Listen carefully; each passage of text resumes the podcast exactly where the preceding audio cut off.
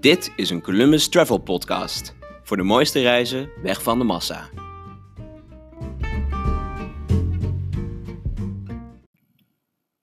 Eén met Ierland. Een betere wereld begint bij jezelf. Was een slogan die Columbus Travel oprichter Louise de Haven veel meekreeg in de jaren 90. Ze kwam erachter dat dit in het zuidwesten van Ierland, waar je elke dag in nauw contact bent met de elementen, net wat gemakkelijker gaat. Je voelt het, diep in je hart.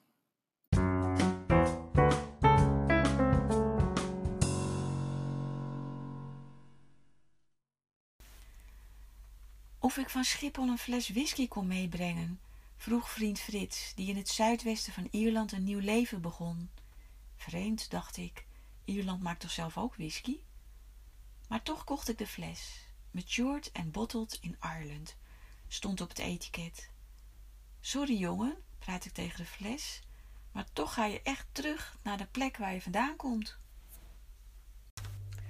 Bij het kustplaatsje Bally's Road, in een uithoek van Country Cork, tref ik Frits aan met ontbloot bovenlijf druk aan het werk. Na lang zoeken kocht hij hier vier jaar geleden een stuk natuur van ruim vijf hectare, met een eigen baai, strandje, huis en bijgebouwen. Hij zei gedag tegen Amsterdam en keek nooit meer om. De fles whisky wordt dankbaar in ontvangst genomen. Frits zegt, alcohol is hier door hoge belastingen peperduur. Of ik gehoord heb van het schandaal van een paar jaar geleden, toen de politie duizenden blaaspijpjes kocht.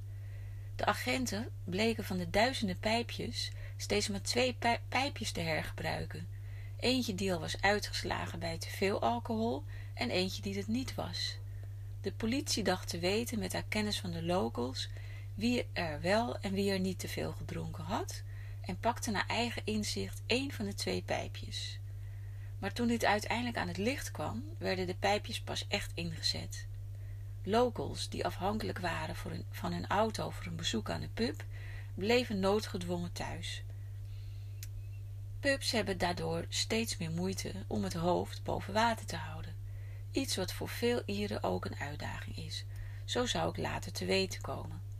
Vervelend voor de pubs dus, al is het duidelijk dat drinken, de scherpe bochten van het Ierse landschap en hardrijden een dodelijke combinatie kunnen zijn. En hardrijden kan ook Frits. In de middag scheurt hij met mij in zijn Volvo over smalle, kronkelende landweggetjes vergezeld door twee jonge Franse vrijwilligers die twee maanden bij hem werken en logeren. Op weg naar Frits deed ik mijn uiterste best de maximale snelheid van 80 km per uur te halen, maar zonder succes. Frits echter is compleet ingeburgerd. In complete overgave zit ik naast hem. We rijden over schiereilanden, door een heuvelachtig landschap waar slechts her en der witte huisjes staan. Het zuidwesten van Ierland bestaat eigenlijk uit vier grote landtongen, die weer in kleinere landtongen uiteenvallen. Als je de kust volgt, kun je hier behoorlijk gedesoriënteerd raken. Frits wijst naar een toren op de kliffen van Browhead, vlakbij het schiereiland Misenhead. Hier bivakkeerde de Star Wars crew tijdens hun maandenlange voorbereidingen voor de opnames van The Last Jedi. Ze bouwden stellages legde tijdelijke wegen aan. En dat alles met drie weertypen voor ogen. Snel langswaaiende wolken, stortregen en zonschijn. Toen de hoofdrolspelers aankwamen, namen ze aan dat de filmopname veel tijd zouden vergen. Maar wat denk je? Na drie uur waren alle drie de weertypen voorbijgekomen en kon de hele stoet weer vertrekken. Typerend voor het weer in Ierland. Frits lacht, ik heb in twee dagen een colode met 32 catering trucs zien komen en weer gaan. Het was een grote teleurstelling voor de lokale Ieren, die stiekem hadden gehoopt dat de weergoden zich anders zouden gedragen en wekenlang klandizie voor kroegen en winkels zouden garanderen. Geld verdienen is niet altijd gemakkelijk in het zuiden van Ierland. Er wonen relatief weinig mensen en er zijn weinig banen. Veel jongeren emigreren naar de VS. En nog steeds want dat gebeurt al sinds, de hongersnood van 1945 tot 1950.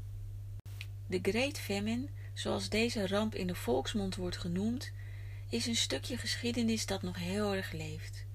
Tijdens mijn verblijf bij Frits merk ik sowieso dat de Ierse historie op veel plekken in het uitgestrekte landschap nog voelbaar, nog tastbaar is. Ik word meegezogen naar tijden die vaak moeilijk zijn geweest, zoals de 800 jaar lange Engelse overheersing, die leidde tot de Ierse volksopstand tijdens Pasen in 1916 en Ierse zelfstandigheid in 1921. De hongersnood van 1945 tot 1950 ontstond door mislukte aardappeloogsten.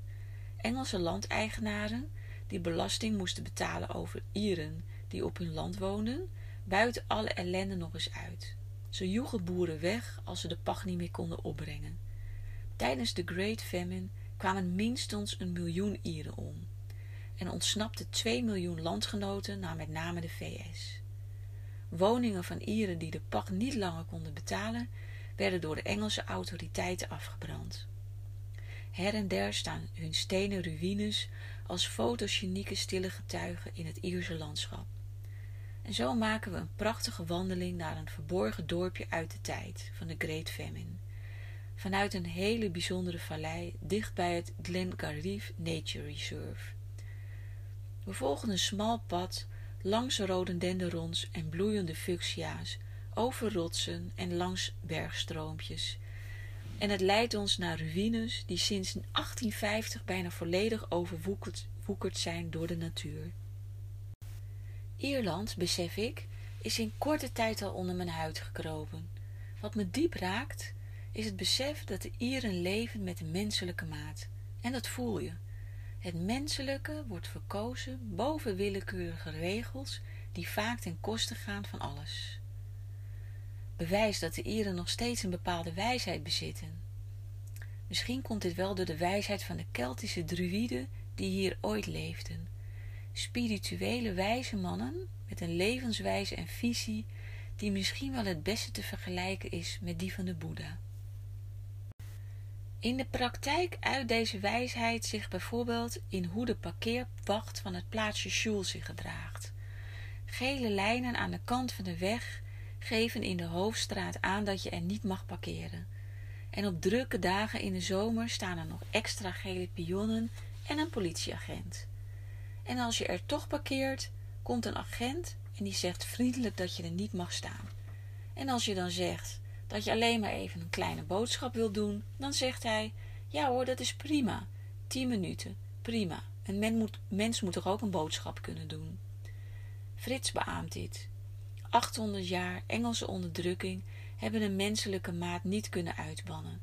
Hij vertelt ook dat er in de taakbeschrijving van de postbode op het platteland staat dat hij behalve postbezorgen ook al zijn geadresseerden minimaal één keer per week hoort te ontmoeten. Zo ziet hij hoe het met iedereen gaat, kan hij een praatje maken en kijken of iemand nog iets nodig heeft, zodat hij eventueel een boodschapje kan halen. De Ieren zijn niet geïnteresseerd, zegt Frits. Ze zijn begaan. Wauw, hoe mooi is dat? Na mijn dagen bij Frits haal ik reisgenoot Sylvia op van het vliegveld, om samen met haar de zuidwestelijke schiereilanden verder te verkennen. Tekenen dat het verleden verweven is met het landschap staan overal. Ruïnes van kastelen, stenen bijenkorfhuizen, steencirkels, Keltische kruisen. Overal waar je kijkt is er wat te zien. Maar het is meer dan zien. We voelen de historie. Het voelt alsof alle gebeurtenissen die hier ooit plaats hebben gevonden, voor goed bewaard zijn gebleven, dicht verweven met het land en dat geeft een extra dimensie aan het reizen in Ierland. Een van onze trips voert vanuit schiereiland Ivera 11 kilometer de Atlantische Oceaan op, naar de twee Skellig-eilanden. Een van deze westelijkste puntjes van Europa is een bedevaartsoord dat vooral bekendheid heeft gekregen als filmset voor The Last Jedi. Maar ik wil vooral ervaren hoe het leven daar moet zijn geweest in vroegere tijden. En als we over de Ruige Zee, de eerste, namelijk Little Skellig Island, benaderen, kom ik in een soort roes door het zicht op duizenden witte vogels die als in een slow motion rondom vervaarlijke ogende pieken zweven. Het zijn Jan van Genten, de op twee na grootste kolonie ter wereld. Aanleggen doen de toeristenboten hier nooit en wij dus ook. We varen door naar grote broer Skellig Michael, dat 230 meter boven de zeespiegel uittorent. 618 stenen treden lopen we naar boven, maar ik ga nu in slow motion, terwijl ik de duizenden papegaaivogels in me opneem, die hier binnen handbereik broeden en nestelen met hun kuikens. Je staat hier zo dicht in contact met de elementen aarde, water, vuur en lucht, en als je dat dan combineert met de overweldigende stilte die je hier kunt ervaren, dan voel, voel je overduidelijk dat er meer is dan een wereld die we met onze ogen kunnen waarnemen. Deze plek overstijgt gewoon alle zintuigen. Het Engelse woord dat hierbij past is awe. En deze awe voelden waarschijnlijk ook de monniken die Skellig Michael waarschijnlijk ergens vanaf de 17e eeuw uitgekozen als locatie voor een klooster. Hier aan de afgelegen zuidkust, zuidwestkust van Ierland konden ze in alle stilte God eren. De stenen treden die ik nu volg naar wat er resteert van hun gebedsplaats aan de top van het eiland, brachten hen elke dag letterlijk ook een stuk dichter bij de hemel. Daarboven bevinden zich ook de stenen huizen in bijenkorfvorm waar ze in woonden. En daarboven krijg ik pas door hoeveel reizigers me eigenlijk gepasseerd zijn. Ik schrik er best van. Ze maken foto's, poseren voor selfies en lopen kletsend heen en weer. Prima. Maar ik kan geen stil plekje vinden om de magie en het uitzicht echt tot mijn diepste door te laten dringen. En dus begin ik relatief snel weer aan de afdaling. Ik wil terug de magie in. Met de harte wens hier nog eens terug te keren. Want het is werkelijk een onvergetelijke ervaring om dit uitzicht te hebben en de uit stenen gehouden traptreden, te bewandelen. Skellig Michael is niet verpest door strenge hekken die een val voorkomen. En dat is dan ook meermaals gebeurd, met dodelijke afloop. Daardoor kun je in de voetsporen van de monniken treden en iets ervaren dat bijna niet in woorden is te vatten. Misschien alleen dat het iets heiligs in jezelf aanraakt. Een magie waarvan ik alleen maar kan zeggen dat je die het beste zelf kunt ervaren. De Skelligs zijn, ondanks de drukte, simpelweg fantastisch. Maar het wilde westen van Ierland reikt veel verder. En daarom vervolgen we onze weg, schiereilanden over, valleien in en weer uit. We rijden bergen op met uitzicht over eilanden die uitgestrooid zijn over de Atlantische Oceaan. Eilanden met elk een eigen verhaal, verleden en landschappen die ik allemaal zou willen verkennen maar waarvan ik besef dat ik daar een heel leven over zou kunnen doen. We rijden langs kostgronden, afgescheiden door lage steen, muurtjes. Overal zijn schapen en hun leuke geblaad, overal kronkelige, smalle weggetjes. We ontmoeten chef Cox en likken elke dag onze vingers af. En overal voel ik dezelfde positieve vibe en hebben we een geweldige tijd. De laatste dagen brengen we door op de Dingelpeninsula. Aanvankelijk dacht ik dat het schiereiland te toeristisch zou zijn, maar in de praktijk blijkt dat de drukte te ontlopen is. Letterlijk. We maken onze eigen prachtige hikes en hebben het voorrecht om één dag door te brengen met wandelexpert Kevin. Na een tijd in Spanje en zelfs in Leiden te hebben gewoond, besloot de Brit samen met zijn vrouw te settelen op Dingle. Hij blijkt prettig gestoord, met veel gevoel voor humor, het leven en het landschap. Na elke stap die we maken volgt de verrassing. Er komen steile kustwanden tevoorschijn, kleine afdalingen, verscholen mooie strandjes in baaien. Het wordt me duidelijk dat je levenslang in Dingel zou kunnen lopen om de mooiste plekjes te ontdekken. Iets dat eigenlijk geldt voor alle schiereilanden die we op deze reis hebben bezocht.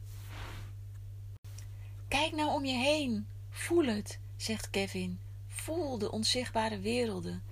Hier in de natuur ligt het geheim voor een waardig leven. Het enige wat je hoeft te doen is de connectie met de natuur te herstellen. Zo kom je terug bij je eigen natuur. De pre-christelijke mensen die hier wonen leefden ook op die manier. Zonder angst voor stilte en zonder angst zichzelf tegen te komen.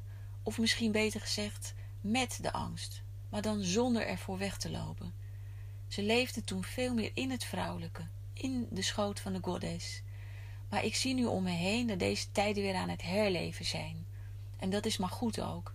Dan krijgen we vanzelf weer een wereld waarin duurzaamheid iets is wat op natuurlijke wijze in elk mens leeft. Ik snap wel wat Kevin bedoelt met het vrouwelijke en de goddess. In deze wereld vol materialisme en egoïsme mogen we nu als mens onze weg vervolgen in liefde en harmonie en met compassie voor alles wat leeft. Het is duidelijk dat Kevin inmiddels de spirit van een echte Ier leeft. Hij ziet dat alles met elkaar verbonden is. De oude Kelten keken naar natuurverschijnselen zoals de zon, de lucht, rotsen, bergen, water en bomen en beschouwden deze als goden. Ze maakten geen onderscheid tussen het goddelijke, moeder aarde en de mens.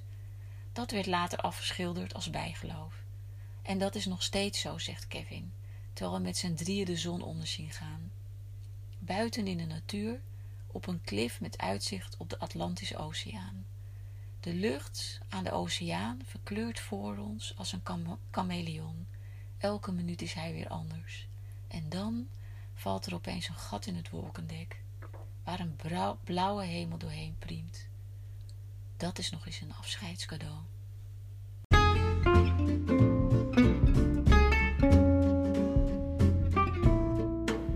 Dit was een Columbus Travel podcast. Ben je nog niet uitgeluisterd? Wij zijn nog niet uitgepraat. Volg ons Spotify-account, Columbus Travel Magazine.